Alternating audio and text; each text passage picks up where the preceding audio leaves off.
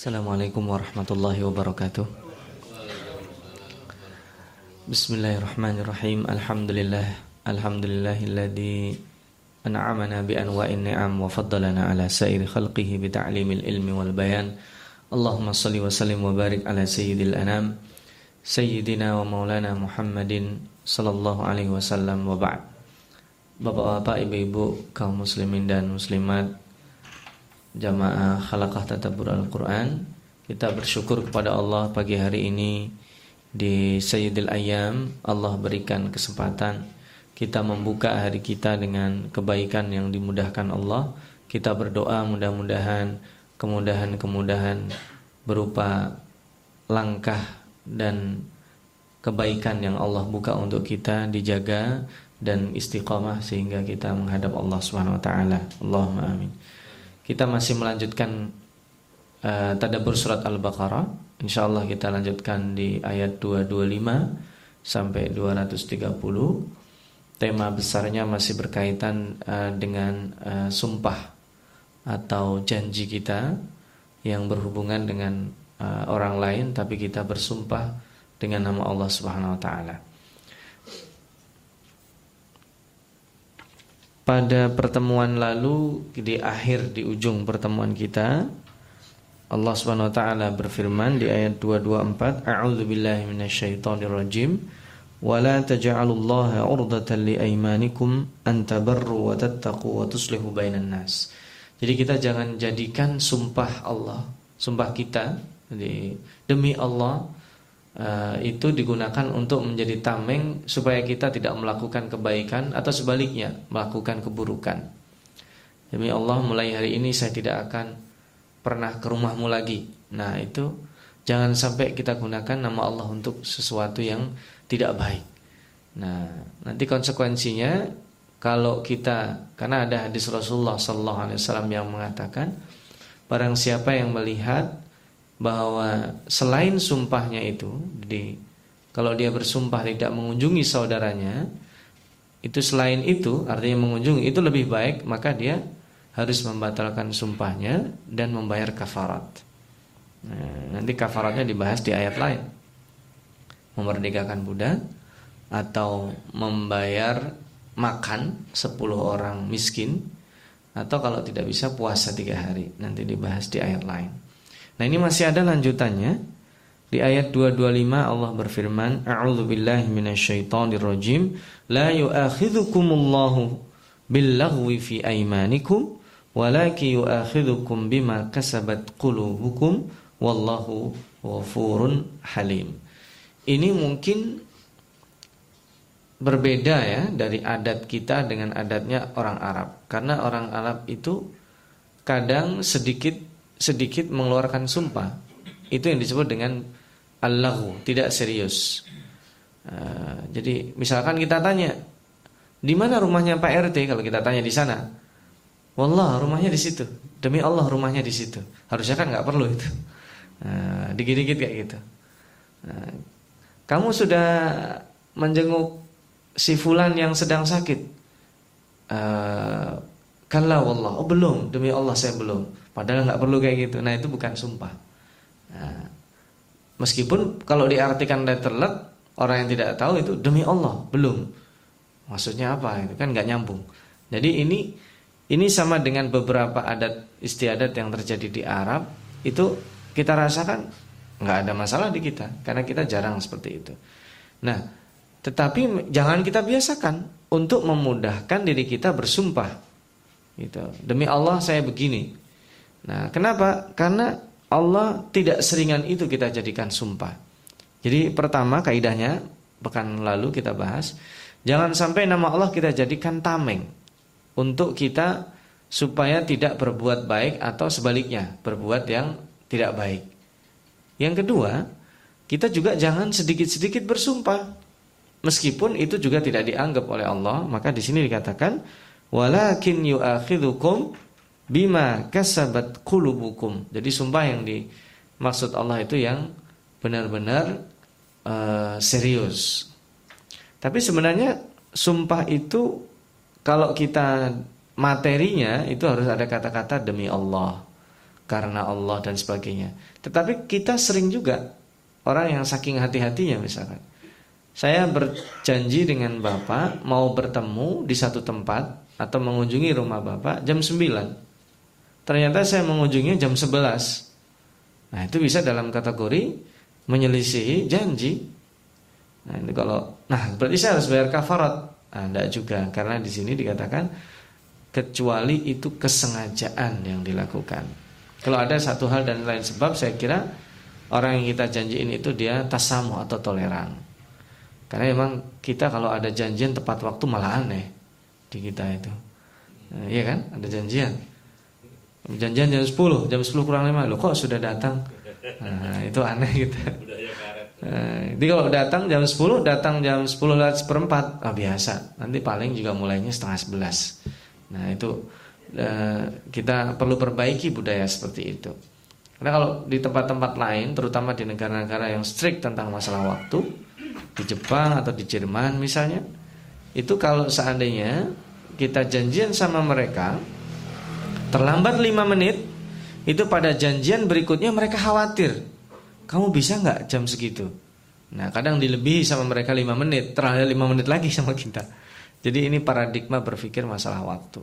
Jadi yang di, kembali ke tema utama, sumpah itu jangan dijadikan tameng. Yang kedua, kita jangan sedikit-sedikit sumpah. Itu aja temanya. Masalah fikihnya agak panjang. Nanti kalau sudah sampai kepada kafarat kita akan lebih lanjut lagi. Nah ini ada yang lebih serius dan nanti akan dibahas mungkin sampai pertemuan yang akan datang dan satu lagi dua sampai tiga kali pertemuan itu permasalahan uh, rumah tangga keluarga. Nah ini mulai di ayat 226. Lilladzina yu'luna min nisaihim tarabbusu arba'ati ashhur fa in fa'u fa innallaha ghafurur rahim. Bagi mereka yang bersumpah tidak mendekati istrinya selama empat bulan, ini menurut uh, jumhur ulama, menurut ulama syafi'iyah, ada yang mengatakan ini empat bulan itu batas maksimal, ada yang mengatakan yang penting dia bersumpah tidak mendatangi istrinya Itu disebut dengan ila. Nah gimana itu? Karena saking marahnya ya Namanya orang marah ya, nggak tahu kan. Dimulai apakah itu karena istrinya yang marah uh, Dimulai dari apa Karena dianya yang lagi nggak mood Kemudian dia keluar sumpah Demi Allah Saya tidak bakal mau mendekati kamu Dua bulan Baru dua bulan Baru seminggu pengen misalnya Gimana coba Itu sudah bersumpah kan Nah, itu ada banyak pendapat tetapi kembalinya kepada hadis yang tadi. Nih, kalau kita lihat bahwa sebaliknya itu lebih baik, maka itu harus bayar kafarat. Nah, tetapi bagi perempuan dia nggak bisa menuntut. Kalau suaminya kekeh, suaminya tetap bersikeras memegang sumpah itu, dia juga harus sabar. Dan sabar batas maksimalnya di sini. Nah, ini nanti larinya ke madhab fikih. Eh, saya tidak akan terlalu banyak membahas secara fikih. Saya ambil globalnya saja, terutama madhab syafi'i. Itu dikatakan ilah itu kalau di atas empat bulan. Hmm, kalau tidak ada mudahnya, itu batas, tidak ada batas waktunya, maka empat bulan itu setelah empat bulan harus jelas. Makanya nanti setelah ini langsung pembahasannya pembahasan talak. Fa in fa'u kalau mereka kembali dalam batas dia sumpah itu, fa innallaha ghafurur rahim. Allah Maha Pengampun dan Maha Penyayang. Nah, ini menguatkan dalil bahwa tidak harus menunggu itu. Dia sumpahnya dua bulan, nggak mau ngapa-ngapain sama istrinya. Eh baru seminggu baikan. Nah, itu lebih bagus kan? Tetapi tetap harus bayar kafarot karena dia sudah bersumpah. Nah, nah bagi istri kalau suaminya masih seperti itu mempertahankan, dia batas tunggunya empat bulan. Setelah empat bulan dia harus pertegas ini gimana status saya? Masih dianggap istri atau memang mau diceraikan? Nah nanti maka batasan berikutnya wa in azamut tolak fa innallaha samiun alim. Kalau mereka itu berkeinginan sebenarnya untuk itu sebagai mukaddimah untuk mentalak Allah Maha mendengar dan Maha tahu. Tapi caranya tidak begitu. Makanya nanti harus ada harus ada pembahasan berikutnya. Ini nanti dibahas lebih teliti. Pertemuan berikut dibahas kalau mereka punya anak. Kalau mereka punya anak masih menyusui seperti apa? Lalu kalau seandainya itu sudah cerai dan batas rujuknya sudah habis, itu seperti apa? Ini dibahas detil.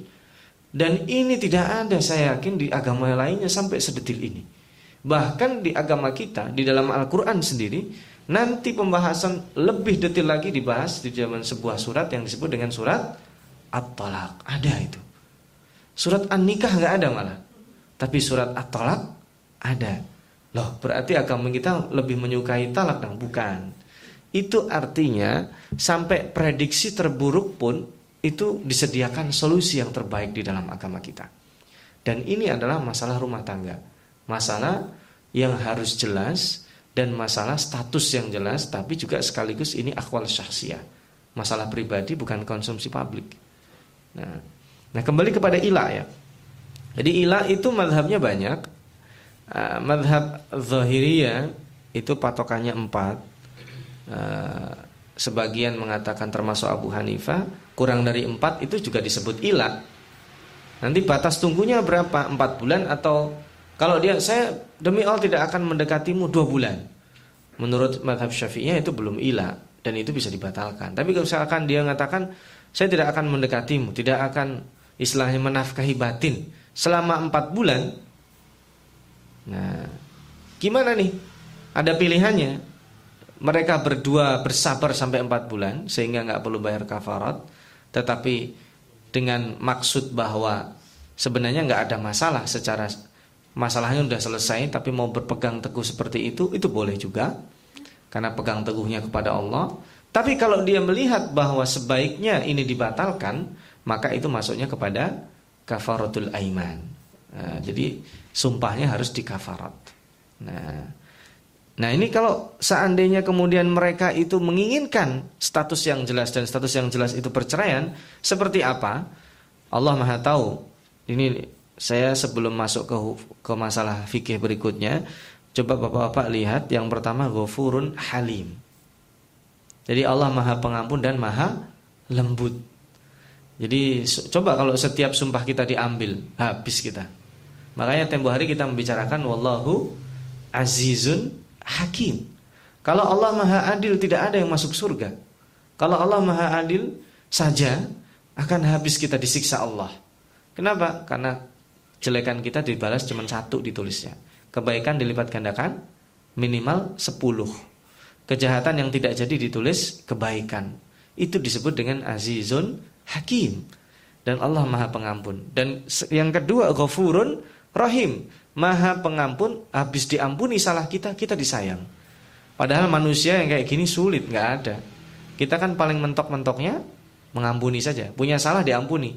Tapi habis orang ini diampun, eh ntar jangan pulang dulu. Ayo, saya mau traktir kamu makan. Oh itu jarang. Habis berbuat salah digituin. Ya jarang-jarang itu.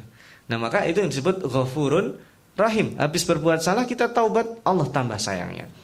Sementara manusia itu sulit melakukan itu.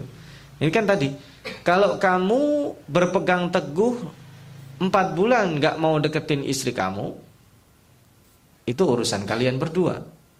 Tapi Allah Maha Pengampun tahu bahwa perselisihan suami istri itu kalau selama masih masih tidak ada keterlibatan pihak lain, itu nanti di dalam surat uh, di dalam surat An-Nisa ya. Nanti kita sudah membahas sudah sampai waktunya. Itu solusinya selalu dibuka in yurida islahan yuwaffiqillahu bainahuma. Jadi ada peluang untuk berbuat baik. Tapi tidak disebut kalau mereka nggak mau islah gimana? Tidak disebut di dalam solusi itu. Kenapa? Karena itu cuma terjadi antara mereka berdua saja. Tidak ada keterlibatan pihak lain. Ini kalau ada keterlibatan pihak lain itu baru membuka peluang. Nah, di sini ini globalnya saja. Kalau in case tiba-tiba mengakibatkan perceraian, wallahu samiun alim. Allah tahu itu maha mendengar mana yang salah, mana yang dolim, mana yang didolimi, mana yang menginginkan cerai, mana yang bukan. Nah, tetapi Allah tidak membahas itu. Yang dibahas hukum fisiknya. Wal mutallaqat, tercerai, ter, orang cerai terjadi perceraian. Apa hukumnya?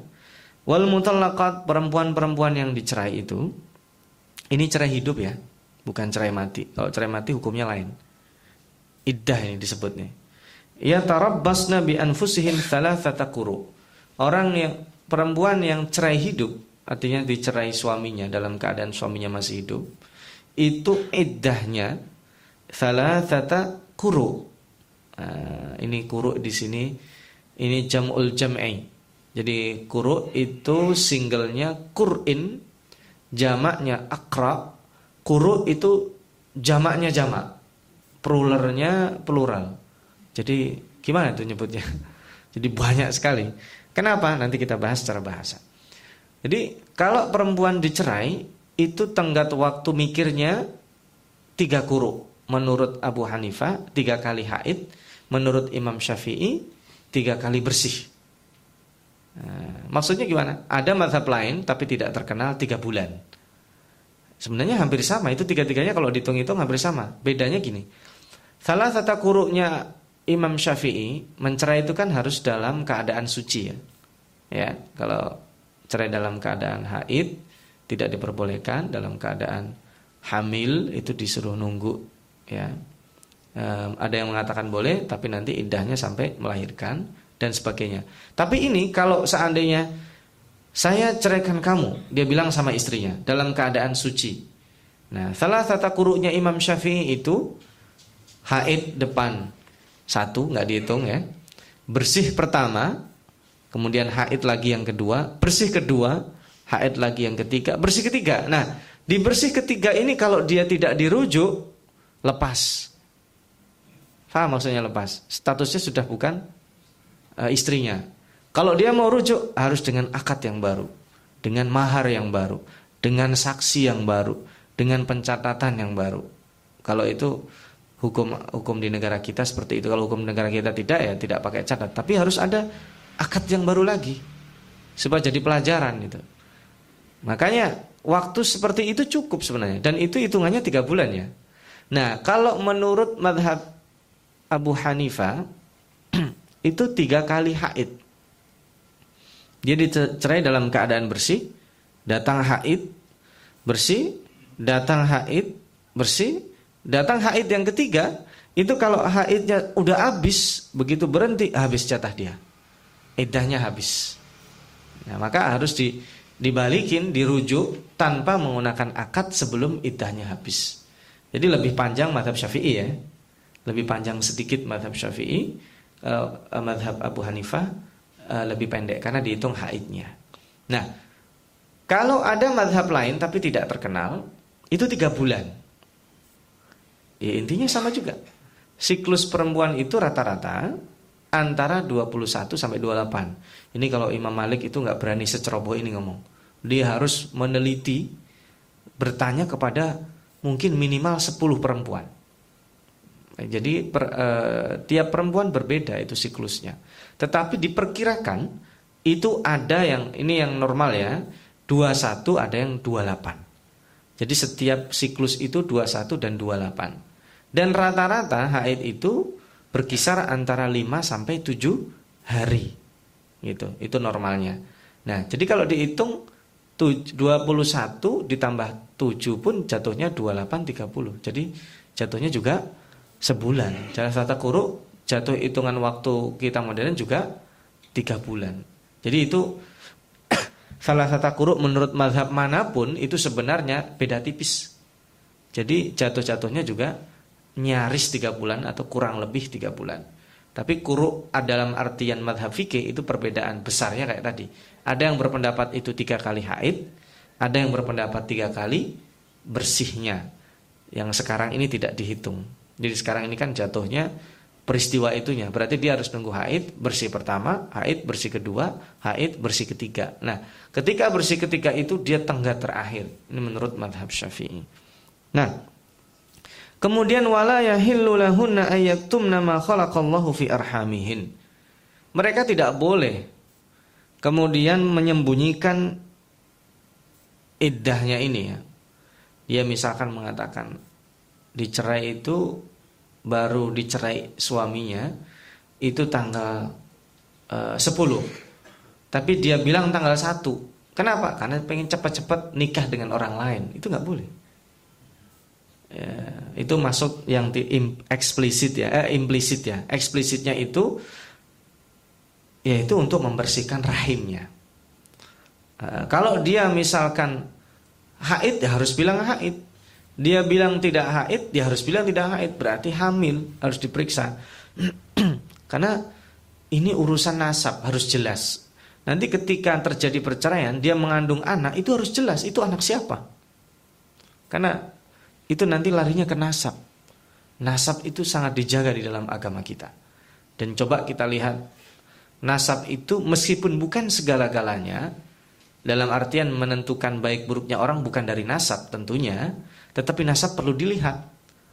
Eh, salah satu dari eh, kriteria kita mencari pasangan itu kan selain tentunya agama nomor satu, yang kedua nasabnya, kemudian eh, nasab itu keturunan, kemudian kecantikan fisiknya, kecantikan dalam artian ini cantik atau nggak cantik, ganteng atau nggak ganteng, bukan kesempurnaan karena itu hak kita. Lijamaliha itu kesempurnaan fisik. Bukan berarti, eh, mohon maaf, berarti orang yang tidak sempurna fisiknya nggak berhak dipilih dong. Bukan, bukan itu. Itu hak kita. Kalau misalkan dalam peristiwa mau menikah, seseorang tidak mau menikah karena alasan fisik, itu nggak ada masalah. Diperbolehkan. Tentunya menolaknya dengan cara yang baik, gitu ya. Alasan fisik. Kemudian lima liha karena alasan uang, boleh juga. Karena alasan uang menikahi karena alasan uang, karena realistis. Ya, istri kita itu nggak butuh cinta saja. Kalau cinta nggak ada duit juga susah, ya kan? Tapi uang bukan segala-galanya. Nomor makanya kata sabda Rasulullah SAW itu fadfar bidatidin taribat yada. Jadi yang menjadi standar utama itu adalah agama. Nah, kalau uang itu yang penting dia punya potensi untuk menghasilkan uang dan rizki itu ada. Jamal, kesempurnaan, kesempurnaan itu yang penting standar minimal sudah dipenuhi. Standar minimal itu uh, Anda laki-laki bisa nafkahi saya enggak? Saya ingin punya anak, periksa kesehatan dulu. Harusnya kan gitu. Saya sudah periksa kesehatan secara normal, insya Allah ada. Nanti dalam dalam perjalanan ternyata sulit untuk punya anak. Itu lain lagi ceritanya. Tapi sebelum itu harus ada keterbukaan karena ini kan uh, jangka panjang. Kita tidak berpikir oh nanti kalau nggak cocok kita bisa cerai. Nggak nggak boleh itu. Nikah dengan niat talak itu nggak boleh. Nanti ada ada pembahasan lagi ketika itu sudah tiga kali ya nanti dibahas. Nah, ini yang menarik wa bu'ulatihin wa bu'ulatuhunna ahaqqu biraddihin. Fi dzalika in aradu islaha. Jadi gini, ketika masa iddah itu seorang perempuan sebaiknya tidak mikir mau menikah dengan orang lain. Kenapa? Suami mereka itu lebih berhak atas dirinya. Jadi ini ini mengatakan bahwa gini, dalam peristiwa perceraian, terutama perceraian yang masih rojai, masih bisa dirujuk tanpa akad, ya, idahnya belum habis, itu yang berhak menjadi pasangannya itu pasangan aslinya itu. Jadi pada masa perceraian itu jangan berpikir mau menikah dengan orang lain. Wa bu'ulatuhunna ahaqqu biraddihinna fi dzalika in aradu islah. Jadi suaminya itu orang yang pertama harus ditawari. Gimana ini? Dalam masa idah itu harus terus dicat.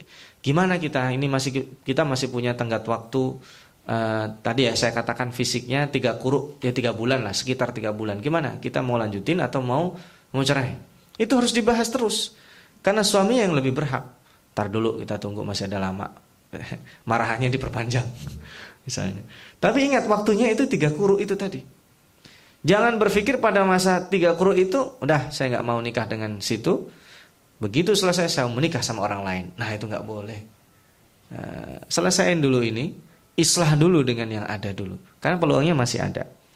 Walahunna mithlul ladzi alaihinna bil ma'ruf. Dan ini pada masa cerai itu juga suami masih tetap nanti dibahas di uh, pertemuan berikutnya.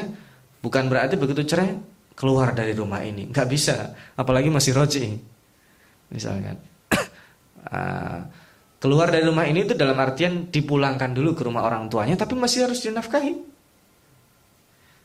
Kan nanti ada sukna tempat tinggal yang keluar dia misalnya ngontrak ngalah suaminya ngontrak karena ini perempuan lebih susah. Misalkan dikasih makanan, dikasih pakaian. Jadi dua itu masih kena nanti. Nah, apalagi kalau masih punya bayi, nanti diatur lagi kalau punya bayi menyusui, yang nyusui siapa? Karena ini statusnya bukan istri dia. Nah, berarti orang lain. Nah, dia harus Oh saya nggak mau nyusui anak kamu Berarti dia harus mencarikan susuan misalnya Nanti dibahas di ayat berikutnya Wal walidatu yurdi'na auladahunna Itu di pertemuan berikutnya insya Allah Nah, walir rijali alaihin darajah. Ini ayat ini suka dipotong sebagai ayat yang berbias gender. Jadi bagi laki-laki di atas perempuan itu satu derajat, satu tingkat levelnya di atas perempuan. Ini nggak tahu saya terjemahannya seperti apa. Uh, saya mungkin lupa membaca terjemahan khusus untuk uh, apa statement ini lirijal alaihin daraja. Jadi laki-laki seolah-olah satu step, satu level di atas perempuan, bukan itu maksudnya.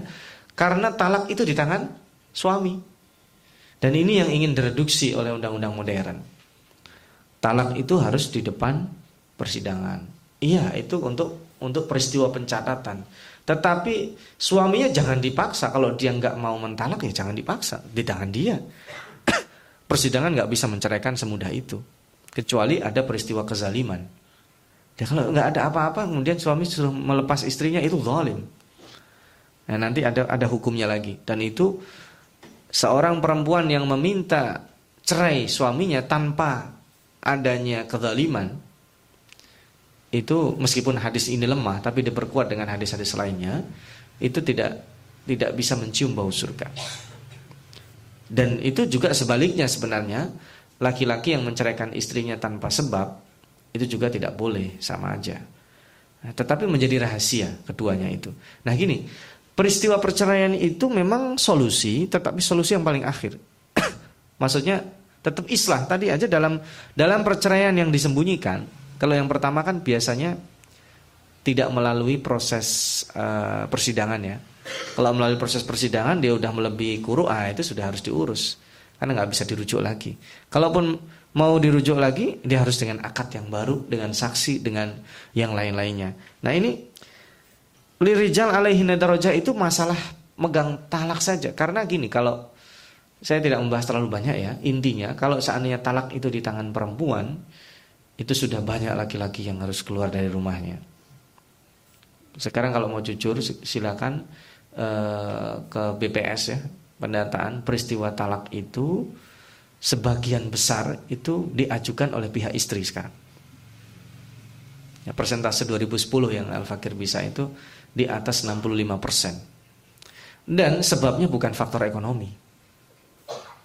Kan kita mikir suaminya nggak bisa ngasih nafkah, istrinya nafkah ekonomi maksudnya. Bukan itu sebabnya.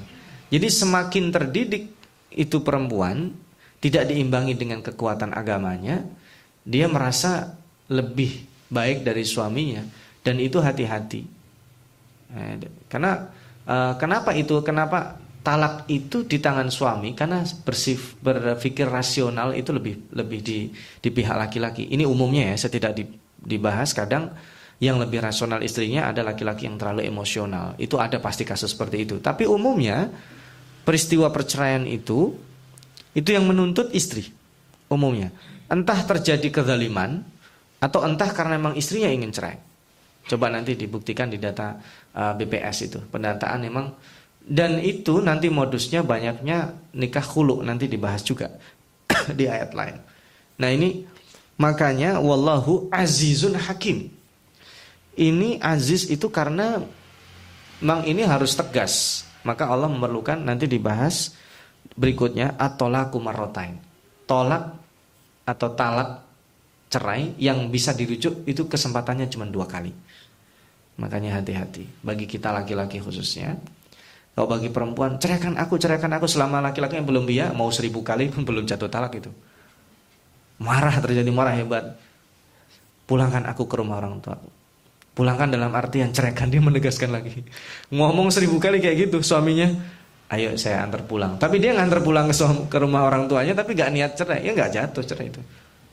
Mau seminggu sekali dipulangin ke rumah orang tuanya kalau belum niat cerai ya belum jatuh itu cerai. Tapi begitu dia bilang saya ceraikan kamu meskipun bergurau. Bergurau ini. Makanya gak boleh bergurau. Itu jatuh talak satu.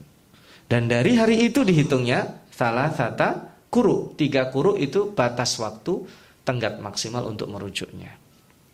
Nah ini. Setelah itu fa imsakun bima'ruf au tasrihun. Dalam masa iddah itu itu dia mau ngembak kembali lagi, makanya dikatakan bahasanya halus sekali. Imsak, imsak itu maksudnya saya pegang itu.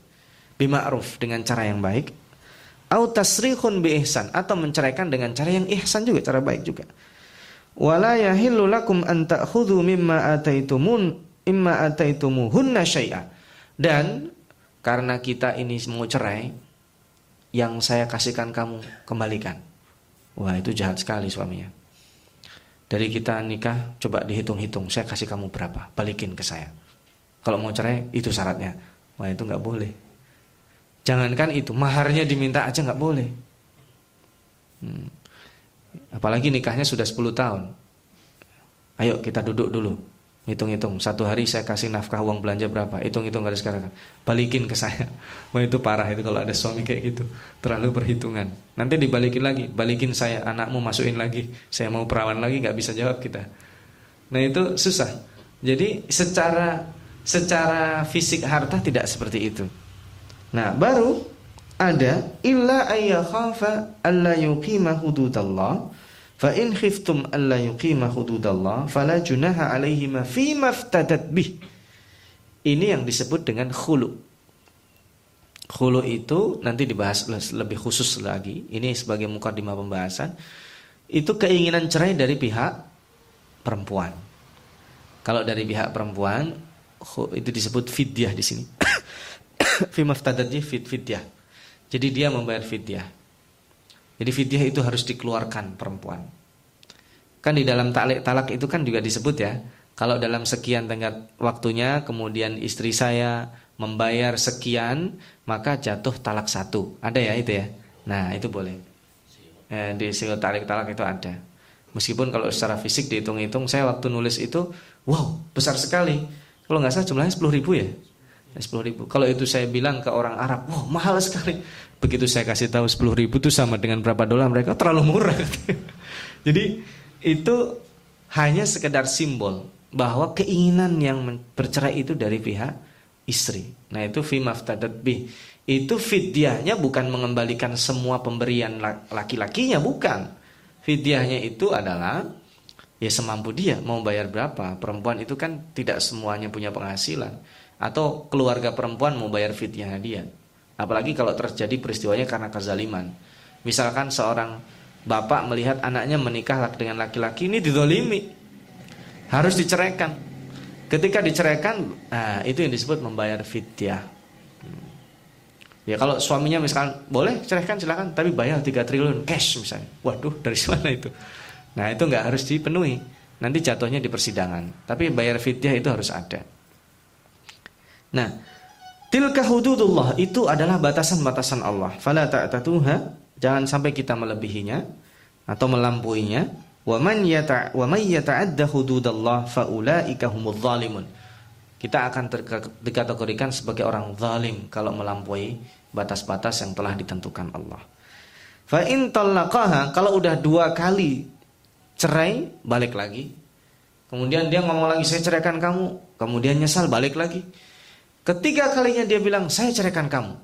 Ketiga kalinya. Fala tahillu lahu mim ba'du. Sejak saat dia ngomong itu, dia nunggu iddahnya, tetap pakai iddah ya. Iddahnya tetap salah satu kuru, tapi begitu iddahnya habis, dia tidak bisa menikahinya lagi. Bahkan ketika dalam masa iddah itu dia tidak bisa merujuk lagi. Udah habis batasnya. Setelah batasnya habis, pilihan perempuannya dua. Menyelesaikan administrasi pernikahan, catatan, nanti hak-hak anak, e, harta. Dia punya pilihan menikah dengan orang lain atau tetap menjadi single parent. Tetap menjadi seorang perempuan e, saja tanpa suami lagi. Dia ada punya pilihan. Kalau suaminya mau nikahi dia lagi gimana? Masih sayang kok. Sebentar, hatta tangkiha zaujan ghaira. Dia syaratnya harus nikah dulu sama orang lain. ini berat ini. Nah, sekarang kalau suaminya misalkan suami yang telah menceraikan dia, dia ngomong sama temannya, "Eh, tolong dong nikahin istri saya. Istri saya sudah saya talak tiga kali. Saya nggak boleh balik lagi sama dia nikahin ya. Tapi jangan dia apa-apain ya. Nanti habis kamu akad, dua hari kamu ceraikan. Nah, itu tidak boleh. Gak boleh itu. An nikah biniyati tolak gak boleh. Loh kalau dia sudah dinikah itu hak dia, suami dia yang baru. Hak istrinya juga, mereka mau terus atau mau cerai lagi, itu hak mereka. Jadi tidak ada campur tangan suami yang pertama. itu. Jadi sekali lagi nggak boleh. Meskipun itu nanti akal-akalan itu orang lain nggak tahu, tapi Allah Maha tahu. Coba lihat bahasanya itu yang tadi itu tetap samiun alim Allah Maha mendengar. Itu e, nanti di sini li kaumin ya'lamun itu juga ada hubungannya bagi orang-orang yang tahu. Karena itu sulit. Dan orang yang terlalu mudah ini kan hubung tadi ngomong kita berhubungannya apa? Sumpah ya. Orang yang terlalu mudah mengatakan cerai, cerai, cerai, itu berarti dia tidak faham. Pernikahan itu mitsaqan ghalidha. Apa artinya mitsaqan ghalidha? Janji yang sangat luar biasa dahsyatnya. Dan jin itu uh, syaitan dari kalangan jin itu kalau mengadakan rapat akbar bukan kampanye sekarang lagi musim kampanye rapat akbar di bawah laut itu ada hadisnya. Itu saya wahai paduka dia lapor sama rajanya. Saya sudah menyesatkan si A. Dia bisa berzina bisa minum bisa mencuri. Itu uh, rajanya biasa aja. Ayalah biasa. Laporan kayak gini mah biasa. Tapi kalau ada laporan wahai paduka hari ini saya bisa menceraikan si A dan si B. Nah ini baru yang saya inginkan jadi itu prestasi yang luar biasa ketika seorang laki-laki menceraikan istrinya atau sebaliknya istri minta dia diceraikan sama suaminya itu ada ikut campur syaitan dari kalangan jin. Entah mereka sengaja atau ini ada juga pihak ketiga yang menginginkan uh, melalui jenis-jenis sihir misalnya. itu bisa ada. Nah, maka kita harus dipertahankan. Nah, kalau dipermainkan dengan tadi itu sudah jatah talaknya habis dua, yang ketiga dia cari teman dia yang ya yang nggak terlalu cakep, nggak terlalu ganteng misalnya. Dia deal, dibuat deal, eh nikahin istri saya. Nah itu dia nggak memikirkan, emang istrinya mau? Kan. Nah ternyata istrinya mau niatnya sama juga. Nikahin saya tapi maaf bang ya. Jangan sentuh saya misalnya. Lo nggak bisa udah suami istri kok. Gitu. Kalaupun nanti itu terjadi pernikahan misalkan misal karena dipaksa orang tua dan dia karena birul walidain ternyata cerai sebelum berhubungan badan itu ada hubungannya lagi ini tidak dibahas di sekarang nanti ada itu ada ada hukumnya lain tetapi ketika nikah jangan sampai ter, terdetik niat harus ini orang ini saya pertahankan paling sebulan saja. Kemudian itu ditalak. Itu tidak diperbolehkan. Maka nikah mut'ah dengan waktu tertentu haram. Pernah diperbolehkan tapi kemudian diharamkan. Nikah dengan niat mau ditalak itu juga tidak diperbolehkan. Makanya di sini hak mutlak suami kedua. Tidak ada diintervensi. Dia diteror. Awas ya kalau kamu nggak diceraikan saya akan berusaha menceraikan kalian. Itu dosa suami yang pertama. Ya resiko dia sudah seperti itu. Ternyata dia pertama sudah punya deal dengan dengan dengan teman dia supaya menceraikan. Eh ternyata istrinya malah suka sama suami dia, suami yang kedua itu. Ya nggak punya hak dia ikut ikut cara ikut campur supaya mempengaruhi lagi. Nah, in case dia dicerai, kemudian balik dengan istri yang pertama, itu hukumnya kembali lagi dari dari nol. Jadi kasusnya uh, dua kali kesempatan uh, cerai balik dan kesempatan yang ketiga itu uh, adalah sudah habis. Nah ini. Nah di sini dikatakan fa in setelah dia dicerai sama suami keduanya fala junaha alaihima ayyataraja maka mereka berdua boleh rujuk in dhanna ayyuqima hududallah. Jadi nikah itu bukan masalah pelampiasan hawa nafsu. Bukan untuk menghalalkan hubungan seksual saja, tapi yuqima hududallah. Dengan nikah itu banyak hal yang bisa kita tegakkan. Mendidik anak, kemudian dari menegakkan uh, hukum Allah di, secara sosial. Karena mohon maaf, perzinaan di dalam Al-Quran dibahasakan fahisha karena itu adalah kerusakan sosial. Fenomena sekarang yang terjadi di kalangan istilah yang saya sebenarnya nggak mau menyebutnya anak-anak kecil pergaulan bebas, geng motor untuk membuktikan bahwa dan sebagainya, hadiah dan sebagainya itu terlalu naif dibicarakan. Tetapi itu fahisha. Dan dengan menikah itu bisa hilang semuanya. Anak-anak itu bisa liar di sana, bisa jadi dia tidak betah di rumah karena kondisi kedua orang tuanya yang tidak harmonis juga.